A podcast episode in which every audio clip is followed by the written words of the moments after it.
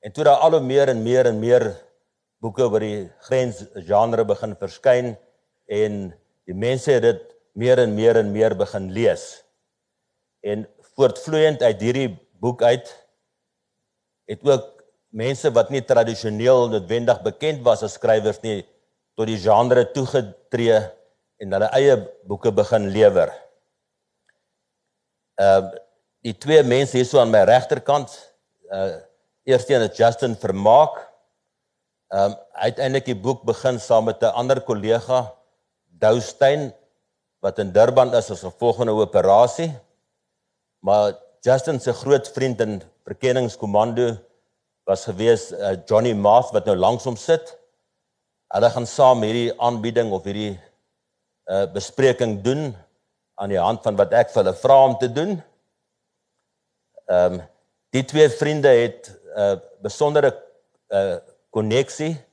Justin het reeds in 1980 sy keuring gemaak en ehm um, Johnny het toe 3 jaar later gevolg met Justin as sy keuringsinstrukteur, een van sy keuringsinstrukteurs. En die keuringskursus was altyd bekend as een van die mees gewelddadigde kursusse wat jy in spesiale magte kan doen. Klink nou soos 'n rapport se resent. Jy kan ons nie gewelddadig noem nie. ja. Ehm um, ek het ook kering gedoen, maar reeds in 1977 en dit was nog bekend as as die ou kerings waar alles om die kerings gegaan het. Jy het seker baie geëet op daai kering. ja. Eh, ehm um, uh, van die 80er jare het dit meer professioneel en meer gestruktureerd geraak. En ek wil net so 'n paar dinge van Justin's uh sê hierso. Ehm um, hy het 'n baie baie baie blootstelling gehad. Hy het onder andere 'n honoris crux gekry. Dis nou meer ernstiger lig uh uh verdapperheid gekry. Hy was 'n uh, deel van die magte by Kita Kinaval gedeel gewees. Hy het aan bosoperasies deelgeneem, het aan stedelike operasies deelgeneem. Hy het aan seewaartse operasies deelgeneem. Hy het alles gedoen wat 'n mens omtrent uh kon doen. En ehm um, Johnny het so op skool al besluit hy wil 'n generaal word in die rekkies. Uh hy het baie hoog gestrewe, maar ek het gesien ons het die gesprek in 'n ligte lyn van nou af aan na die bekendstellings. En ehm um, hy en Justin het toe ehm um, boesemvriende geword uh reg deur die spesiale magte saamgemaak en toevallig in 1990 het hulle uh besluit hulle is nou klaar met daai afdeling van hulle werk toe hulle die siviele lewe betree en nog meer dinge aangevang uh meer avonture in die dag gelê en een van die dinge wat toe uitgekom het was wat Justin ons nou gaan vertel nadat ek hom nou bekend gestel het is uh hoe het hierdie uh resepteboek ontstaan Justin. Maar maar welkom aan almal. So ehm um, vir julle wat die rekkies dalk nie so goed ken nie, ons is 'n redelike sterk kollektief. Ons is redelik gewoond aan om opdragte te neem. So so 2 en 'n half jaar terug het iemand gesê die rekkies moet oor hulle resepte en hulle kos skryf want ons raak nou te oud. So die boek is eintlik 'n opdrag van SASVA of SASMA in Afrikaans, die Suid-Afrikaanse spesiale magte gedoen. So ek is getaak om dit te doen.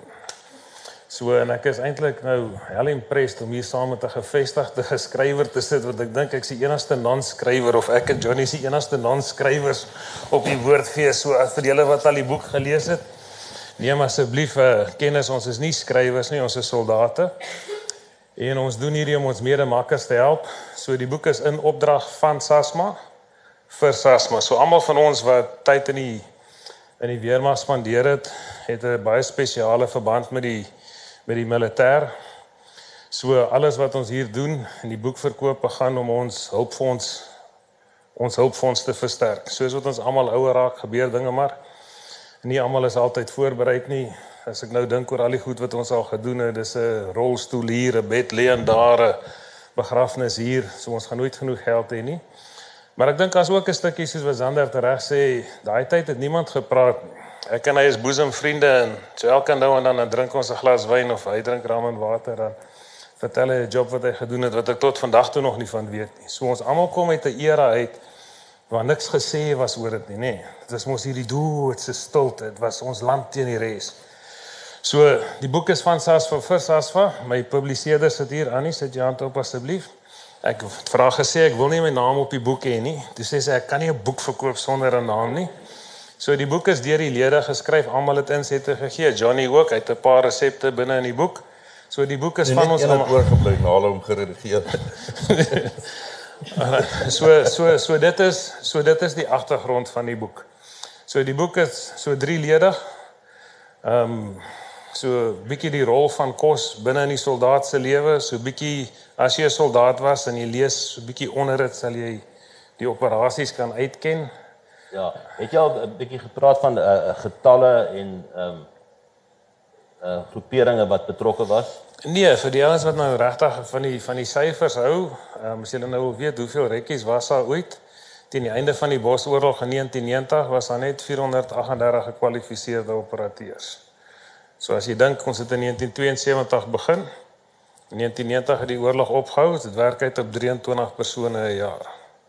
Interessant genoeg, aan die einde van 2014 was daar 1000, nog steeds net 23 'n jaar.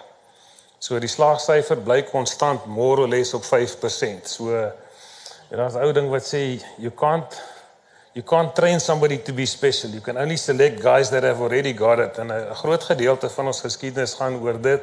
En natuurlik gebruik ons nou dan die kos as die medium om die storie van die soldate te vertel. So dit gaan nie regtig oor kos nie. So die van julle wat vir 'n kookboek gekom het, ek het 'n surprise vir julle. Ehm um, skryf 'n bietjie vir ons aan daarso. Uh dit bring ons uh Justin en Johnny ehm um, vir watter persone nou jy jy het jou gesprek daarmee afgesluit, maar vir watter persone is hierdie uh boek bedoel? Ja, ek ek dink eerstens daar's genoeg resepte. Statisties is dit 'n resepteboek. Annie sal my ondersteun hier. Hier's 188 resepte wat jy kan koop en daar's verskriklike mooi foto's.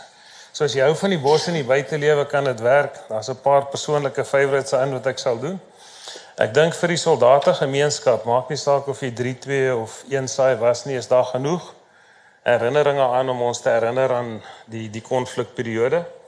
Ehm, um, maar ek dink ook as jy vir 'n bietjie inspirasie soek en jy wil weet wat vat dit om uit te styg in in swaar tye, sal die boek daai job ook doen. So ons het probeer om die die kernelemente van die soldaat wees om spesiaal te wees om 'n spesmagte soldaat te wees daarin vas te val. So die boek is geset, ek dink ons almal vergeet. Die boek die oorlogtyd kom uit die middel 70s. Ek sien dis 'n paar van julle wat uit daai era uitkom. So ons vergeet, die oorlog het begin in 1972 net nadat Afrika heeltemal onafhanklik geword het, né?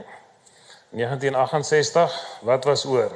Suidwes-Afrika, Botswana was klaar onafhanklik en die rooi gevaar. Almal onthou die boodskap SAIK met Rian Kruiwagen en al. So en die boodskap is ook gedoen om te on, onsself te herinner, dit was die dae voor GPS, die dae voor selfoon, die dae voor internet, die dae voor dit. Kom uit 'n tyd as jy nog vir iemand gesê het ek sien jou 3 uur by daai tyd op daai plek moes jy dit doen. Jy het nie tyd gehad om tussendeur 100 WhatsApps te doen en 10 e-posse nie, Jean-Marie. so ek kom nog uit daai era uit as ek vir jou sê ek gaan 3 uur by die brug wees en ek gaan in posisie wees. Ek kom nog uit daai era uit, so ek het nie nodig om dit 20 keer te bevestig nie. So so so die boek is geskryf en dit en ons vergeet dat in daai stadium was die die die kundigheid vlak wat die soldaat nodig gehad het om te oorleef baie hoër as vandag. Met ander woorde die soldaat se voorbereiding het sy oorlewing verseker. Die soldaat se opleiding het 'n baie groter invloed gehad op die op die slagveld as die tegnologie van vandag. En ons is nou almal nou oud genoeg om so 'n bietjie daaroor te kan gesels. So Ehm um, ek dink dis maar eintlik ek ja. dink die agtergrond. As jy dan daai komandofoto kyk is, is jy albei op daai komandofoto John? Ja. Ja. Uh, kan jy net John net min of meer sê kan jy onthou toe daai foto geneem is? Dit was op die Tafelberg met 'n oefen inoefening wat ons gedoen het met al die groeperings, ja. een rekkie, vier rekkie, vyf rekkie saam. Wat baie interessant is van hierdie foto, uh, ons is jare al terug by demokrasie verby binne in die rekkies. As jy kyk na daai foto was ons omtrent 50-50 swart en 50% wit. Baie van ons operasies het ons baie groot ondersteuning op ons swart operators gehad. Die baie kere het hulle ook baie ons lewens gered. So vir ons is daai is al jare in die vroeë 80's daai gedeelte al by ons lewe verby wat die res van Suid-Afrika in 94 en on eers begin beleef. So is vir ons 'n baie belang is seker die tweede grootste groepering foto wat ooit van spesiale magte operateurs geneem is is hierdie spesifieke foto. Ja, dit is net interessantheid vir julle ons wat nou van die geskiedenis hou. Daar's 89 mense op die foto. En as ons al die res van die ouens kon gaan haal het wat nie dienend was nie, was daar net nog 12. So dis eintlik 'n verskriklike klein groepering mense wat hierdie ongelooflike effek op 'n oorlogresultaat gehad het. Ehm um, so so Johnny tereg sê daai foto is die Tafelberg, dit's 'n voorsieningsboot. Ons het baie die bote gebruik om ons tot in posisie te kry voordat die duikbote of die aanvalsvaartuie jou dan nou land toe geneem het. En as ek dink as is nie hierdie foto nie die een wat so 6 maande na dit geneem het was daar uit die vier etniese groepe wit, swart, kleurling en Indiër in een operasie. So ons kom 'n oorlog gaan nie oor wit of swart nie. Oorlog gaan oor wat is dit wat ek vir my land wil doen en dit is waaroor soldaat wees regtig gaan. Reg, ek 'n bietjie ons aanskuif daarso.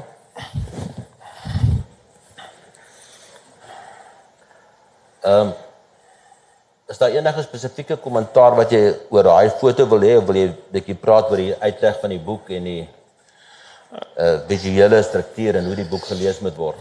Okay, so uh, vir die van julle wat nie die geskiedenis van spesmagte ken nie, is baie moeilik om die storie te vertel. Veral omdat dit nou in kos gebruik as 'n medium. So die boek is so 'n soort van tong en kies geskryf. As jy die voorblad lees, sal dit sê gaan kry 'n glas wyn of gaan kry 'n bier, is dit jou ding is, is koffie jou ding is, jy waarskynlik in die verkeerde plek.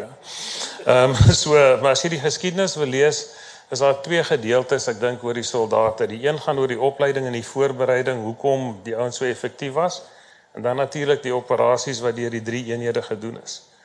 So vir die seewaartse vermoë was dit vier verkenningskomando of regiment.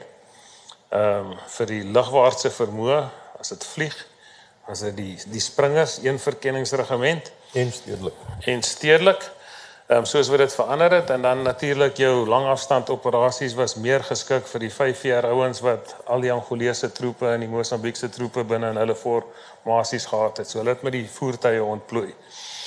So ons verdeel die boek eenvoudig, wat is die basics van soldiering? What's the basics of cooking? En dan as dit as dit swem, praat dan nou oor kos uit die water uit, soos mossels en vis en seekat en kreef en daai goed bietjie krokodil hier en daar. Bietjie krokodil hier en daar. Uh, ons sal nou net terugkom na dit toe. As dit vlieg kan jy net verwag om te leer hoe om hoenders te kook. Jy weet baie van die parrots neem aanstoot as ek dit sê. Ek sê nie hulle is hoenders nie. Ek sê net hoenders kan nie vlieg nie. Ehm um, maar dit hulle dit het vlerke. So en dan as dit loop is dan natuurlik nou jou jou jou rooi vleis. En dan om die spektrum van die werk te verduidelik, noem ons dit streekskos. Met ander woorde, dan gaan haal ons resepte uit die Kahukeland. Ons gaan haal resepte uit Kaprivi. Ek dink min mense weet regtig waar as jy die boek lees, sal jy verstom wees hoe wyd die ouens gewerk het in Zaire, Kongo, Israel, Rusland. So dit letterlik gaan gee net die bestek van die werk wat gedoen het en dit bied ons onder die departement streekskos aan. Uh, Johnny as jy kyk daar net vir die verwissel, Justin wag net 'n bietjie. Uh hulle werk daar met 'n sandmodel, lyk like dit vir my daar. Ja. Ek het enige enige van julle twee net 'n uh, kommentaar lewer vir die gehoor wat daar aangaan. Ja, ek dink as ek kan aanlas wat Justin net ou gesê het, vandag is alles elektronies, so jy sal 'n operasie beplan op 'n rekenaar en 'n moet 3D model bou en jy print 'n 3D model. Vandag is anders. Daai dae moes ons planke vat en 'n square bou en jy moes terreinfoto's laat neem deur Kodak kameras met diep agter die vyand se linies en daai ons moes daai verkenningsfoto's terugbring en dit moes nog in donker kamers ontwikkel word. Dan jy daai terreinfoto's gebruik en dan jy 'n fisiese sandmodel gaan bou met waar die bome is, waar die paaie is, waar die teikens is. So ons het fisies ons operasies se beplanning en finale inoefening het gekom van sandmodelle. Ons het fisies in die sand gegaan, gebou waar jy gaan staan, waar jy gaan staan. Dit is soos toe ek klein was het ons nog met klein klei ossies gespeel. Wat was daai bene gespeel? Dolosse. Dolosse. gespeel. Dis fisies wat ons gedoen het. Dis hoe ons ons operasies beplan het daai tyd. Dan jy 'n mock-up gaan bou en dan jy gaan inoefen. Ja, terwyl ons hier is, wie van julle was dalk betrokke by Kuito of in die Bosoorlog? So 'n paar ons hier. So so dink sit jouself in die posisie, jy's 'n soldaat, jy gaan doen 'n verkenning voor selfone.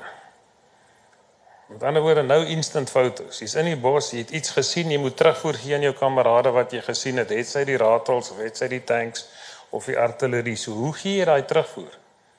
Jy het nie tyd om terug te gaan 800 km na Suid-Afrika toe nie. Jy doen met wat jy doen en daai foto is 'n baie mooi voorbeeld van hoe jy jou natuurlike hulpbronne gebruik om daai kommunikasie te doen. So this is a different world then.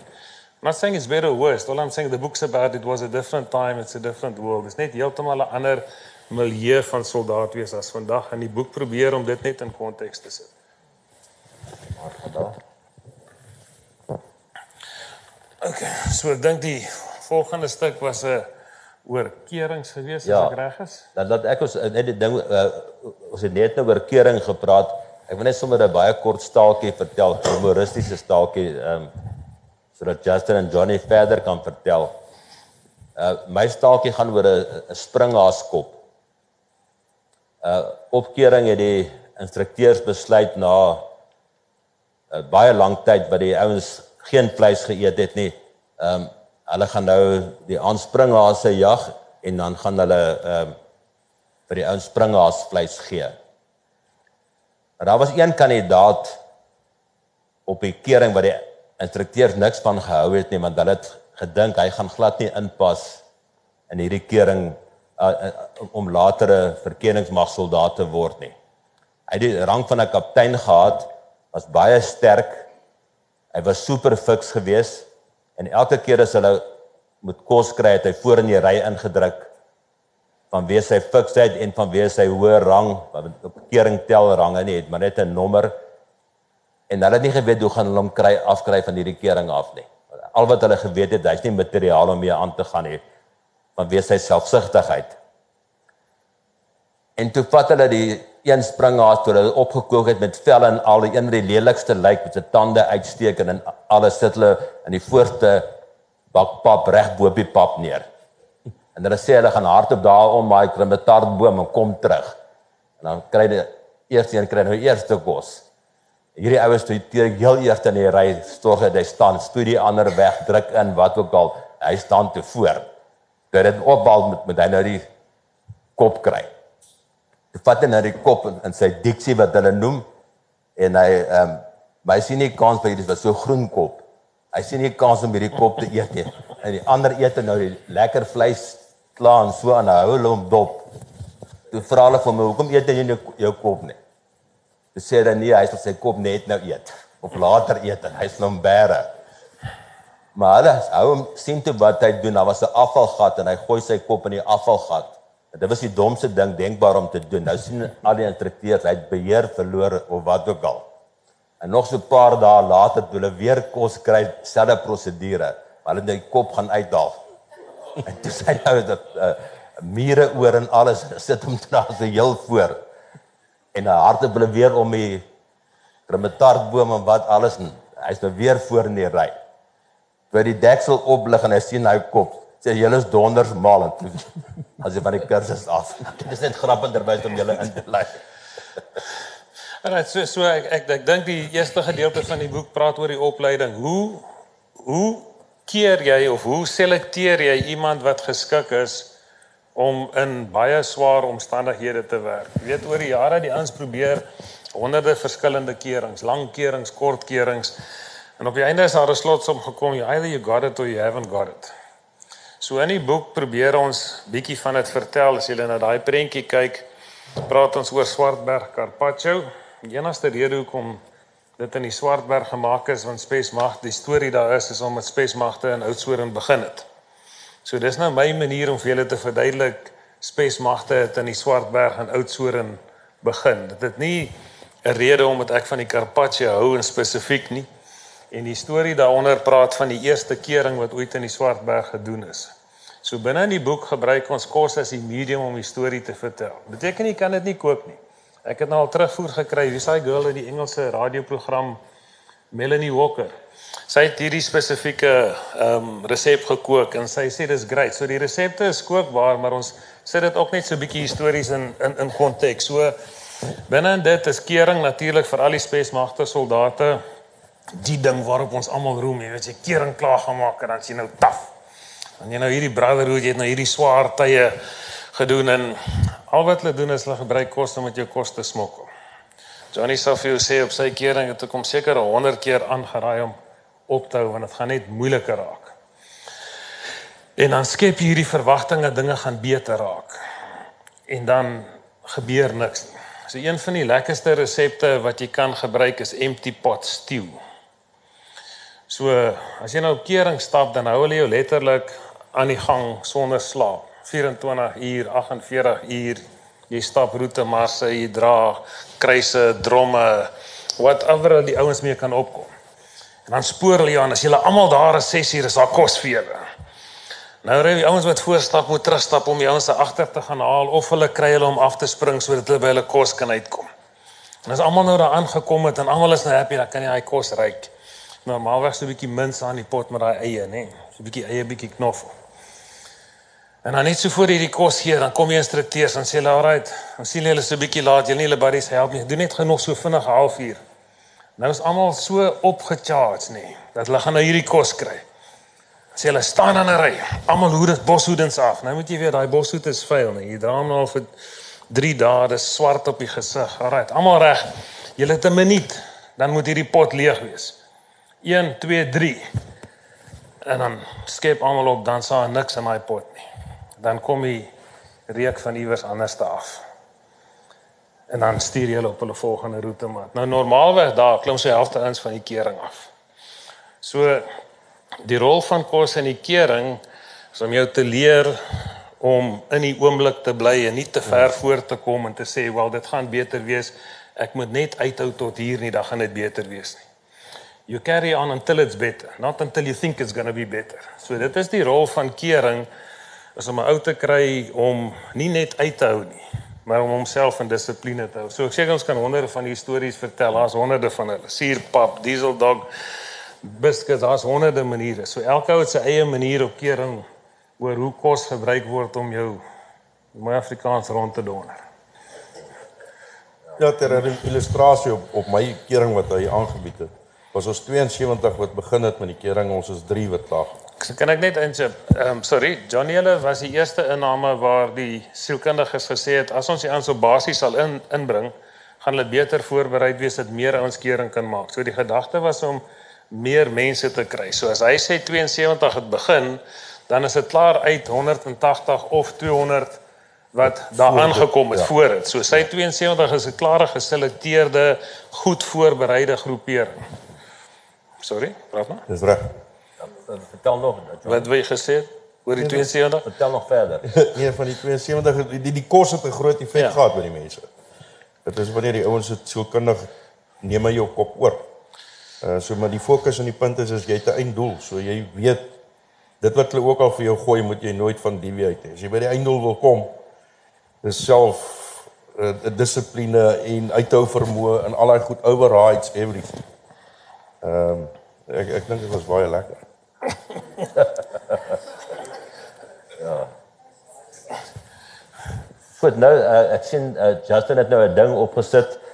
Ehm uh, as jy nou klaar jou klere keuring gedoen het, dan is daar 'n hele siklus kursusse wat jy doen voordat jy nou uiteindelik gereed is om operasioneel aangewend te word. Dit is van peloton wapens, vreemde wapens, staalskermspring vir die wat nie gekwalifiseer is nie, regdeur. En dan kom jy uiteindelik by onder andere by 'n kursus wat genoem word oorlewing. En dit is waaroor hulle ons nou ietsie gaan vertel. Alraai, so ek dink weer eens kom ons stap net terug, is die Bosoorlog. Wat doen jy as jy agter vriendelike linies ontplooi en iets gebeur en jy bly agter? Jy moet op jouself kan staatmaak. So meeste van die tyd het ons ten minste 3 tot 400 km in Angola in of in Zambië of in Mosambiek ons werk gaan doen. En as jy daar afgelaai het is op jou eie. Met ander woorde, jy leer om in die bos te leef in steede van om in die bos te oorleef. En dis 'n groot leeukos. Of jy word ons dan nou by die leeu kom, so oorlewing leer jou 'n paar goeters. is hoe om jou job te doen al skree jou lyf vir iets anderste. So die oorlewingskursus begin deur jou te ontneem van alles wat jy het sodat dit dit dit stel voor jy's agtergelaat in 'n operasie. So hulle vat alles weg. Dan moet jy doen met wat jy kan. So in daai stadium word almal ewe honger. So uit 'n sielkundige oogpunt leer jy jou makker ken op sy swakste. So ons sien mekaar op ons heel ergste. Jy weet in besigheid wys jy mos nie verander as jy swak nie. Jy sit ons altyd jou beste kant voor. Maar as jy en jou pelle 3 weke laas geëet het, julle is almal ewe honger. Ehm um, ek dink Johnny sê nou vertel wat hy geëet het in sy 3 weke en jy kry iets, moet jy dit met die ander ou deel. So jy leer 'n paar goed. Jy leer jou pels leer ken op hulle ergste, so jy niks om vir mekaar weg te steek nie. So volgende keer as jy weer moeg is, jy die vrymoedigheid om vir iemand te sê ek trek swaar.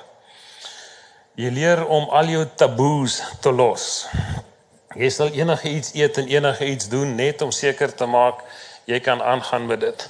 So oorlewing is waarskynlik die die lekkerste maar die swaarste kursus in die opleiding. Ek so dink vir my was dit 'n bietjie moeiliker as kering gewees want ek het 'n leeu saam met my op kering gehad. Ons sal nou nou praat oor die leeu en wat hy geëet het en wat ek geëet het op dieselfde kursus. Ek dink Johnny wil net iets sê oor sy sy ja. visvang vermoë. Ja, dit was per ongeluk was baie droog. Dit was in die noorde van Namibië gewees in die Kaprivi. Ons was baie bevoorreg om in week 3 'n woendoe te vang. Dit was eintlik maar 'n baber, groot kop. Hy het so vasgehou agter my kop met sy ster gegaan. So ons het hom gerook met groen blare met 'n stok deur sy lyf gesit en glo dit as jy wil, ons het hom vir 24 uur gerook voor ons hom geëet het. En jy het vir 3 weke nie geëet nie. So ons het deur daai dissipline gegaan om daai ding perfek te rook want hulle het lewende larwes binne in hulle wat lewe in hulle. So ons wou hulle graag dood hê alhoewel dit proteïene is wou ons dit op daai stadium nie geëet het nie, maar dit was die beste maaltyd vir my. Oorlewing was eintlik ook lekker geweest want jy kon heeltyd jy's in 'n conserve of energy. Alhoewel jy take het, jou take is om kos te soek en strikke te stel en al daai goede. Daar was 'n green peas gedeelte by ons instrukteurs geweest. So as jy iets in jou strik gevang het, het jy die vermoë om in die tarantaal te loop wat nog lewendig is en te ruil vir 'n blik kondensmelk. 'n blik kondensmelk is die beste ding wat jy in jou lewe kon kry as jy op die oorlewing is om daai stukkie soet goed te kry. So dit was vir my absoluut fantasties geweest. Dit is Ja, kyk ek dink dat Johnny daar praat oor die bos nie. Dit jy leer om te lewe in die bos. So ons het altyd in die Kaprivi gedoen en toevallig was die rekkies nou in die bevoordeelde posisie dat hulle 'n leeu gehad het, so half mak, half wild, ons nooit seker hoe om te noem nie. So die twee leeu's is afgelaai eendag by die basis by die basis van Meyer, hulle was twee. Teddy die een wat julle hierso sien en die suster Lisa. En hulle is nooit ingespan nie. Leon hulle kon stap net waar hulle wil. So as hulle nou kos kry, dan hang hy daar aan die basis rond en as daar mense is want die baas nie altyd vol nie, dan sê hy daar en dan kan hy wegraak vir 3 dae. Dan kom hy so 'n bietjie marerig terug want hy nooit geleer jag nie. So hy het kos gekry daar. En sy ding was nou om saam met almal te gaan en ek onthou op die een operasie het ons ingeoefen nou 'n uh, Ehm um, dan draf hy nou maar saam. En as jy daar in die water met die bal jou PT doen, dan swem hy saam. So die leeu en hy's groot. Is nie jy kan sien nou as hy daai ek dink in hierdie foto is hy al so 3 3 en 'n half jaar oud. So op ons oorlewing was hy my buddy paar. Ons was twee gewees. So as jy nou in die oggend na jou strikke gaan kyk en die leeu sien iets in die stryk, dan is hy altyd vinniger om by dit uit te kom as jy. So ek het op my oorlewingskursus nooit iets gevang of geëet nie. So hierso na so week 2 dan kom maar so die instrukteur se bakkie verby, die Gary, die Land Rover met die diensdrywer daar by die kamp verby. Nou hoor ons die bakkie raak of die Land Rover raak aan die verte weg. En so oor 20 minute toe kom hy terug. Nou kan ons die som doen. Hy hoe ver kon hy nou gery het die kant toe en die kant in die diksand om terug te kom. Nou doen ons 'n som, seker so 3 kg. En ons weet hulle die die leeu gevoer, jy sien. Nou besluit ons ons is honger genoeg. Maak ons so span van 5 ouetjies. As ons hier af met die pad, dan gaan soek ons wat hulle hierdie leeu gevoer het. En so 3 kg af met die pad, daar lê dit nou hulle soms so agter kwart van 'n ek dink dit blou wille bees gewees wat hulle daar gesny het vir hom gegee. Nou sê hierdie lid lê hierdie leeu en hy vreet hierdie goedes. Maar jy is so honger nie. En dan vang ons daar so klomp takke daar, een tel ons ons vyf van ons skree uit die top van ons lewensstorm swaai die goed die leeu skrik so groot hy hardloop van die karkas af nie. Nou sny ons daar so hom vleis uit met daai ou kapies wat jy nou daar gehou ding is daar so sny so hom vleis uit. julle dink toe dis Terry. Nee nee, dis toe. O, is dit Nee nee, toe? dis dis toe hy. Nou sny ons so hom vleis uit en teen die tyd dat die leeu nou van sy skrik herstel en hy's reg om sy karkas terug, nou is ons weg. Kyk nou, hy eet nou 'n bietjie verder aan sy ding en ons gaan na daar in die bosse nou braai ons so 'n stuk van die vleis, sny dit in hierdie klein strokies, maak so klein vuurtjie. Nou eet ons hierdie goeders. Ja, man, moraal is op.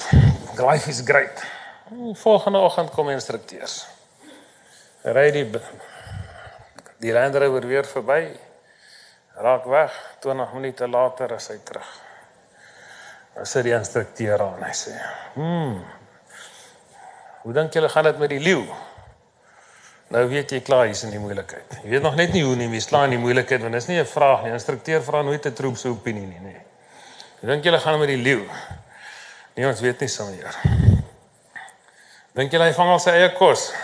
Nee, ons weet nie sommer. Ons is nie seker nie sommer.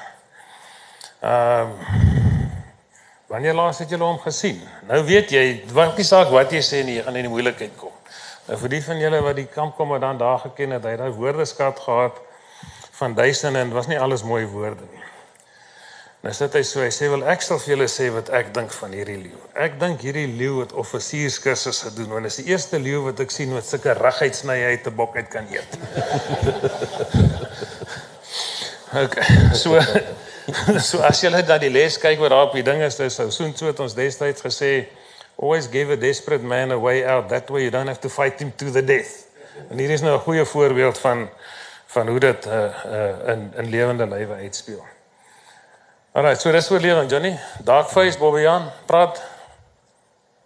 Uh, hy, las maar aan by alles. Is 'n donker fase was dit gedeelte waar hulle ons geleer het hoe om soos die uh noordeliker dele van ons land en ons grense met swart mense te werk.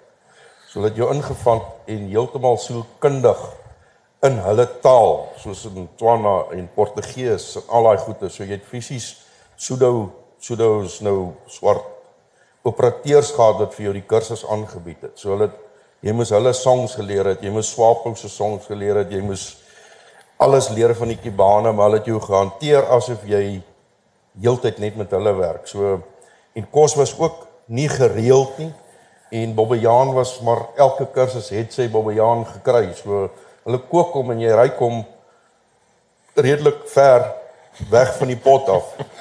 Want die tradisie die tradisie was hulle skiet hom 2 dae voor die tyd. Hulle los hom in die son en dan gooi hulle hom net so binne in 'n groot swart pot en dan kook hulle hom. En jy ryk hierdie ding terwyl jy nou sing en te kere gaan en leer hoe werk hierdie mense se tradisies.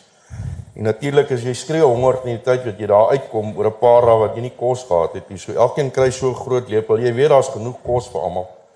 En as jy skep, dan skep jy nou maar. Dis dit die aanlakkie ou wat kom, hy skep 'n Bobbejaanse voet wat daar sit of 'n kakkebeen of sy stert wat nog daar lê. So dan weet jy eers hierdie is nie wat jy dink jy eet nie, maar dan die meeste van die ouens het klaar die helfte van die Bobbejaan opgeëet. Ek wil nie sê wat gebeur nadat hulle uitvind of besef dis 'n Bobbejaan nie, want dit is 'n gemors. Maar die doel is nie om oor die gril stories te vertel nie. Die doel is hier is om te sê ons is besig met wat vat dit om iemand in 'n posisie te sit sodat hy onder ekstreme posisies kan presteer. So as jy vir hom in sy opleidingsfase blootstel aan al hierdie goed, dan kom dit nie vir hom as 'n skok die dag as dit gebeur nie. Vir meeste van ons in jou operasionele loopbaan doen jy goed wat baie swaarder is as kering of as oorlewing of as donker fase. Maar omdat jy reeds blootstelling teen dit het, doen jy dit.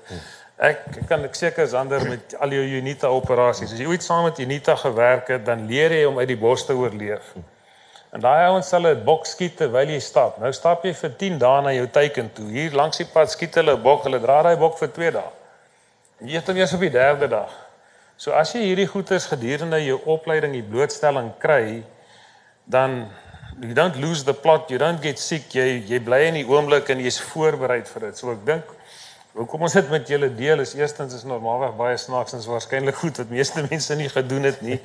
Maar dis ook om die punt te maak dat as jy behoorlik voorberei is en jy het behoorlike ehm um, ehm um, ehm um, opleiding gekry oor hoe om dit te deel, dan hoef jy nie daaroor te wonder wanneer jy in ander omstandighede moet fungeer nie. En dis ek dink wat ons in die boek probeer sê op 'n baie ligte manier. So ons probeer die storie van soldaat wees baie liggies oordra. Soos anders jy nou die vraag vra, wat moet ek al lees? Jy kan lees wat jy wil daaroor. Jy kan lees oor die Bobbejaan of jy kan lees oor what does it take. So dit is maar eintlik waar dit gaan. Alraai, dis oorlewe. Hmm. Ek gaan kyk 'n bietjie dan na die swemgedeelte toe. Alraai. Het ons tyd vir hierdie wil jy? Ja nee nee, daai uh, Johnny, lunchbar waarwan? Dis ook in die Kapriwe en dit was ook gedurende 'n oorlewingskursus. Twee groot makkers van ons, een van hulle is oorlede. Ou MP en Shane was ook op 'n survival kursus ook in Doppies in die Kapriwe en hulle het op 'n stadium uh ek dink was Ray Godpeer was hulle instrukteur gewees het hulle 'n lunchbar in 'n bar 1 iewers in sy trommel gekry en gesteel. Hulle die geëet. Ry het op 'n stadium na dag 2 of 3 agtergekom want hy het papiertjies uit die sand uit opgeskop per ongeluk. Natuurlik soos Justin net gesê het, as hy begin leidende vrae vra, dan weet jy klaar jy's in die moeilike. En as jy saam met jou makkers daar sit en jy's die een wat die landsbaar geëet het en jy's die een wat die bar one geëet het, dit vat nie lank nie dan steek jy maar jou hand op en jy weet hier kom iets. Jy gaan Nou die tradisie daar was jy kry 'n 30. Nou 'n 30 beteken hulle gaan jou 30 km af en aflaai met of 'n blok sement of 'n groot paal of iets terwyl die res rus, gaan laai hulle jou daar af en jy moet terugloop met hierdie ding. Wat met die twee manne gebeur het, het vir hulle elkeen 'n groot stomp gegee en 30 km of daar gaan aflaai en bar 1 en lunchbar is dit moes hulle dra. Ja, hy het nou die stompe name gegee. Sommige so 'n stuk boom maar uit die veld uit en sê hier is nou jou bar 1. Hier is nou jou lunchbar. Ek sien julle vanmiddag. Baie innoverend soos wat rekkies is met goeie selfverbeelding en stap die twee manne, hulle het nie te ver gestap nie want lunchbar en bar 1 was swaar en hulle deposit hulle toe terug in die veld en sê maar as ons nader aan die kamp kom kan ons mos net nog 'n lunchbar kry en nog 'n bar. Ry God weer ou slinkse instrukteur ou van die ou SAS af in 'n rekkie kom en hy weet iets gaan gebeur dis tradisioneel en hy stop toe 'n paar kilometer voordat hulle by die kamp aankom gaan sit en wag vir hulle in die bos. Die twee manne is lekker happy, stap liggies, chat. Gaan dit in ry spring in die pad en sê wat gaan nou? Waar's lunchbar en waar's 1? Hierdie manne is op pad om nog twee te gaan optel ewe kostelik sê MP2 nee ons het honger geraak. Die eet is maar vir Barwan langs. Hulle het weer gestap. So ek dink die boodskap was daar al leer jy om in die oomblik te bly. Moenie laat die oomblik jou oorrompel nie. Jy slaas te diep in die moeilikheid. Jy kan nou maar net jou weet net sowel jou pyn vat jy weet. So. Sorry Ja, jy jy, jy kan aangaan met daai Okay, so die, die okay, so so in die boek praat ons oor opleiding, aanvangsopleiding, kering, oorlewing, klein taktiek, donker fase, hoe word jy voorberei? Dan natuurlik as dit nou klaar is, dan uh, kan jy leer om jou job te gaan doen. So natuurlik as 'n strategiese of 'n uh, impak mag kry jy so te doen met 'n paar van die lekker werk. Die seewaarse operasies is altyd verskriklik lekker want dit is baie gefokusd. Jy werk 4, 5, 6 weke, oefen alles in, oefen alles in, oefen alles in, dan gaan doen jou werk 6 ure en jy's klaar. Natuurlik om by die teiken te kom, moet iemand jou daar kry, so in daai tye het ons baie die aanvalsvaartuie gebruik of die strykkraft. Dit natuurlik is nou 'n belewenis op sy eie. So jy kan julle daar kan julle die boot sien. Ehm um, so as jy nou 20 rekkies op die boot sit wat die job moet doen en nog so 15 ouens wat die bote moet ry, dan raak die boot dan nou half klein.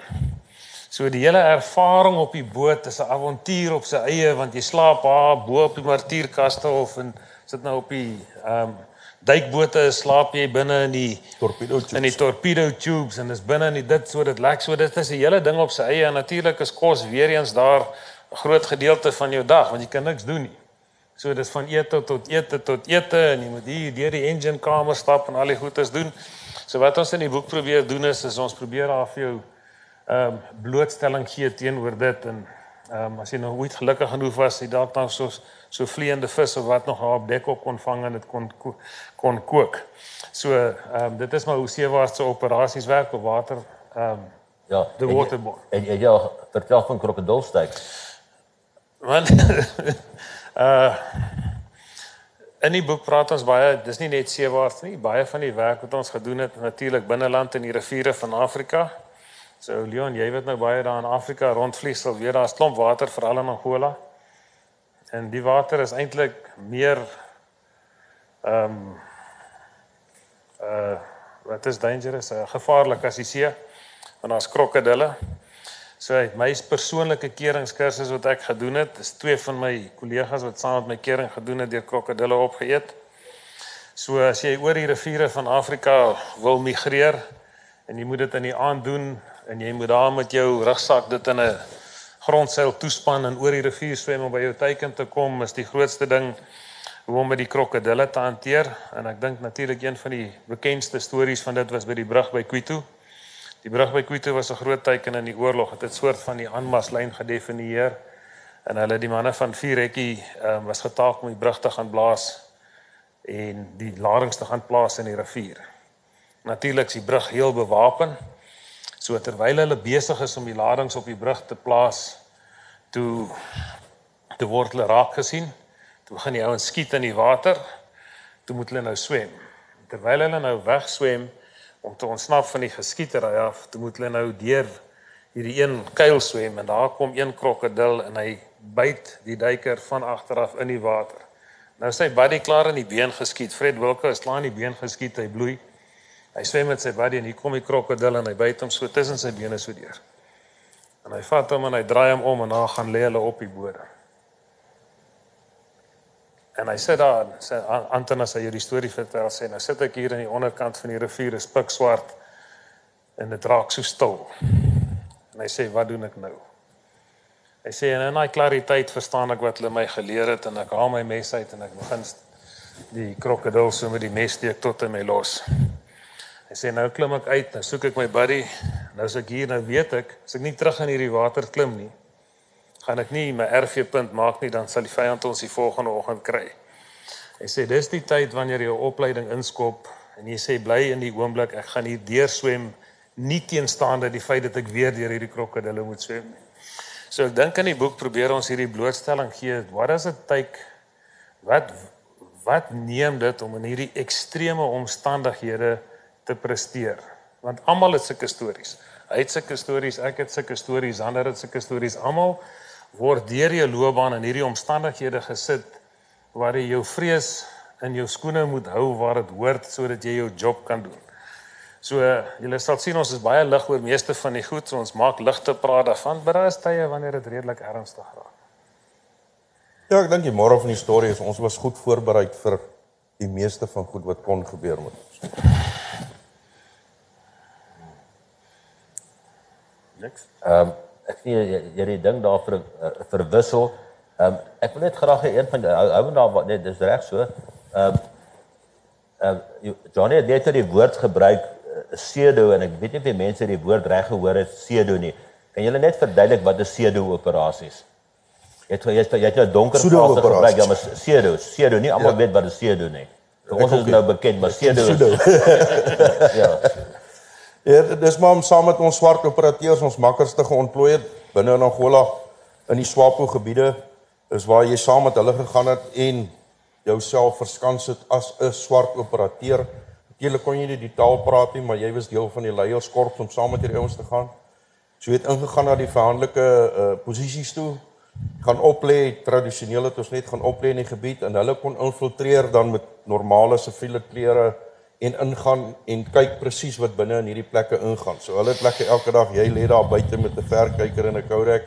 Hulle het ingegaan, hulle het elke aand pap geëet en marog en bier gedrink en dronk geword en môre lê en slaap hulle in die son en jy moet nog steeds wag hou. So jy, jy gaan is dit klandestine operasie agter vyandelike linies. Ja, ja met, met swart makkers en hulle Ja. Verder dan saam met jou inligting. Ja, met met, met sedo uh, uh, werk dit dikwels so, jy sal 'n spanleier kry sê net maar Justin is die spanleier, maar hy staan nie voorloop nie dat die ou wat bekend is met die inheemse tale sal voorloop om eerste kontak te maak Uh, pseudo beteken eintlik uh, ek het in die woordeboek gaan kyk, 'n skyn operasie of 'n ander rol aanneem, vyand se rol aanneem.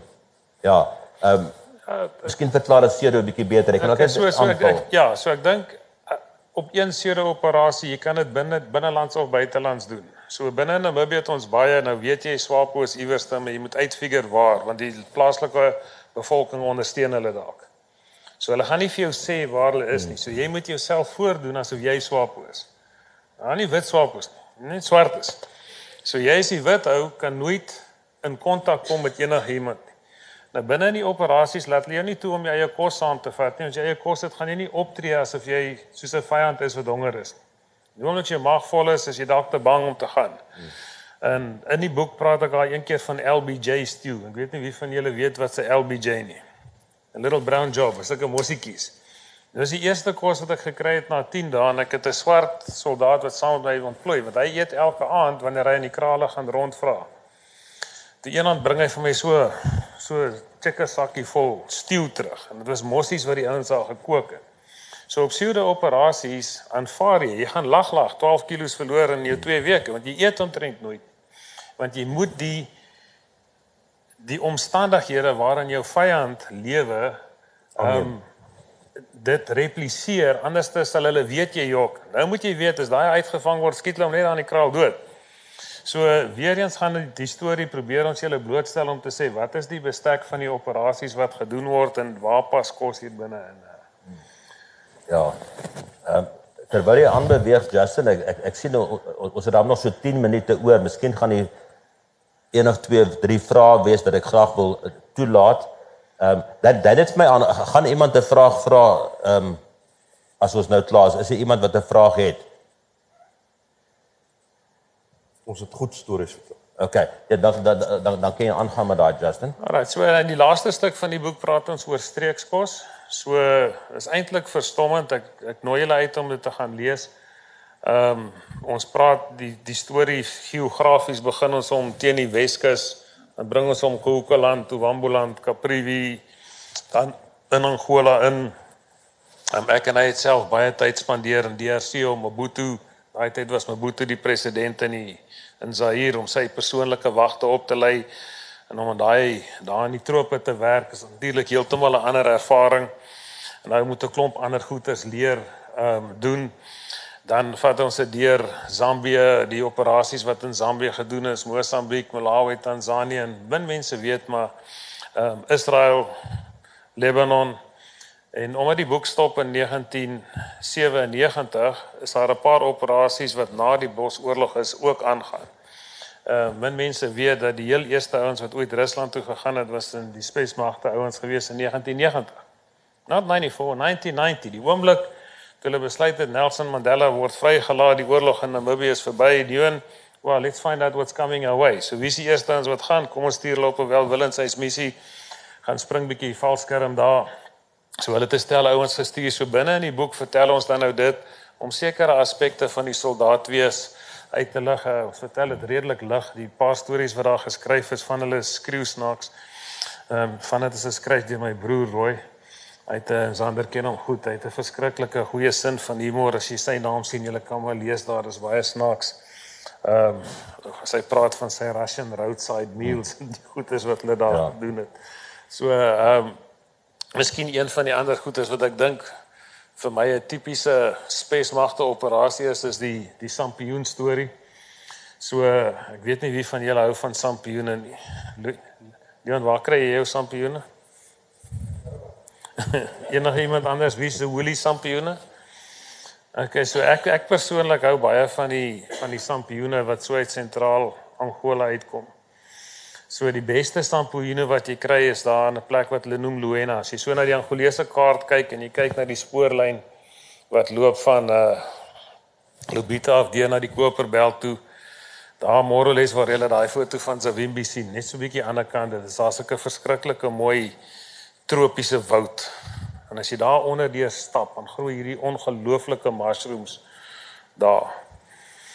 Nou om daar uit te kom as jy 'n soldaat is, nie soos vandag nie, dan moet jy nou eers vir jou 'n 'n missie kry wat jou na die gebied toe sal stuur.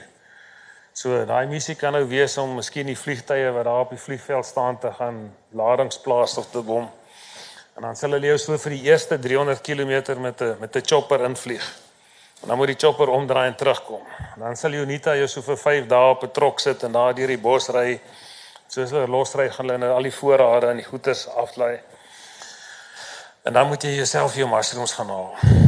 Nou op hierdie spesifieke operasie moes ons 290 km stap om by die mushrooms uit te kom. Nou natuurlik moet jy al jou kos saamdra, nê? Daar's niks tussenin nie, dis die bos.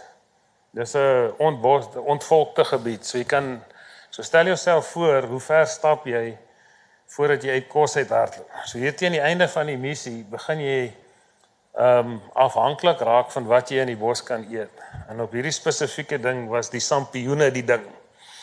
So as jy daar naby Luena kom, begin jy so in die middag so as jy so stap en begin jy hierdie mushrooms so vat, dan druk jy dit net so in. En dan die aand sit jy daar in jou diksietjie dan eet jy dit. Nou weet nie wie van julle Tim Nouk se boek gelees het nie, maar sampioen het geen kalorieë nie, het net niks nie. So toe was die job gedoen. En presies 3 dae gevat. En dan moet jy terugstap. so so dit is die wêreld van die spesmagte soldaat. So ek dink met dit kan ek morales van my kant af afsny. Uh, dan dit tensy daar enige vrae is. Die boek is vol van hierdie stories. Dit sluit af met 'n stukkie oor die drinkstralie en dit sluit af met 'n bietjie van die soettand. So daar's verskriklike nice resepte daarin. Ek like die Bush Ferrero Rocher. Dit verduidelik 'n bietjie om kreatief te wees. So van my kant af, dankie vir die tyd. Is daar enige vrae wat ons Ja, ek wil net uh, uh, graag net een ding uh, sê Justin. Uh in 1996 het, het een rekkie nou ontbind. Miskien kan jy net vir die mense sê wat gebeur nou? Het dit aangegaan uh hoe lyk die situasie nou? Ek is op die oomblik net weer eens wat dit is as SASMA. Dit is 'n baie aktiewe verhouding met die weermag. Ons het nou nog soldate wat destyds saam met ons gedien het wat nou nog daar is. Die huidige bevelvoerende generaal het in 1989 kering gedoen. Swart soldaat, daai tyd gewees, hy het Kuito gesien en hy is vandag die BG. Sy drie van sy senior offisiere kom met my era en sy era uit, dis die kolonelle en die brigadiere. Ons het 'n aktiewe program wat ons met hulle interaksie het. Ons neem aan mekaar se funksies deel. En ons job is, is om die nuwe soldate wat ook spesmagte soldate is te ontvang binne our brotherhood. So ons speel een keer per jaar saam golf. Ons doen 'n paar dinge saam en ons sal oor 2 jaar volume 2 van die rekkie resepte skryf wat dan die storie van 1996 tot en met 2016 vertel. So baie van die jonger garde soldate het net so groot rede om trots te wees. Dink die manne het um, by uitstek gepresteer in die in die sentrale Afri African Republic wat sê Afrikaans Central African Republic ook 'n jammer woord wees. Ehm um, een van uh, die huidige soldate wat redelik jonk is is op rekord as die persoon wat die 6de verste skoot op met 'n sniper geweer geskiet het in die Congo Rebellie so 'n paar jaar terug 2.28 km. Weet nie wie van julle jag nie 2.28 km. So die weermag gaan nog steeds aan. Hulle aanwending het net verander binne in die Afrika Unie se omgewing. So die manne is nog steeds binne die Afrika konteks goed gerespekteer. Is 'n vraag hierso? Ek net hoor ek ek is nou 'n posboek maar daar moet tog ehm iets saam met gedrink word. Daar's 'n hele seksie called the drink trolley.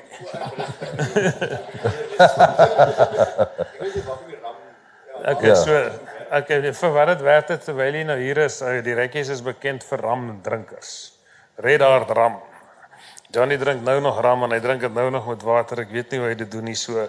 Daar was die coke in die bos. Ja.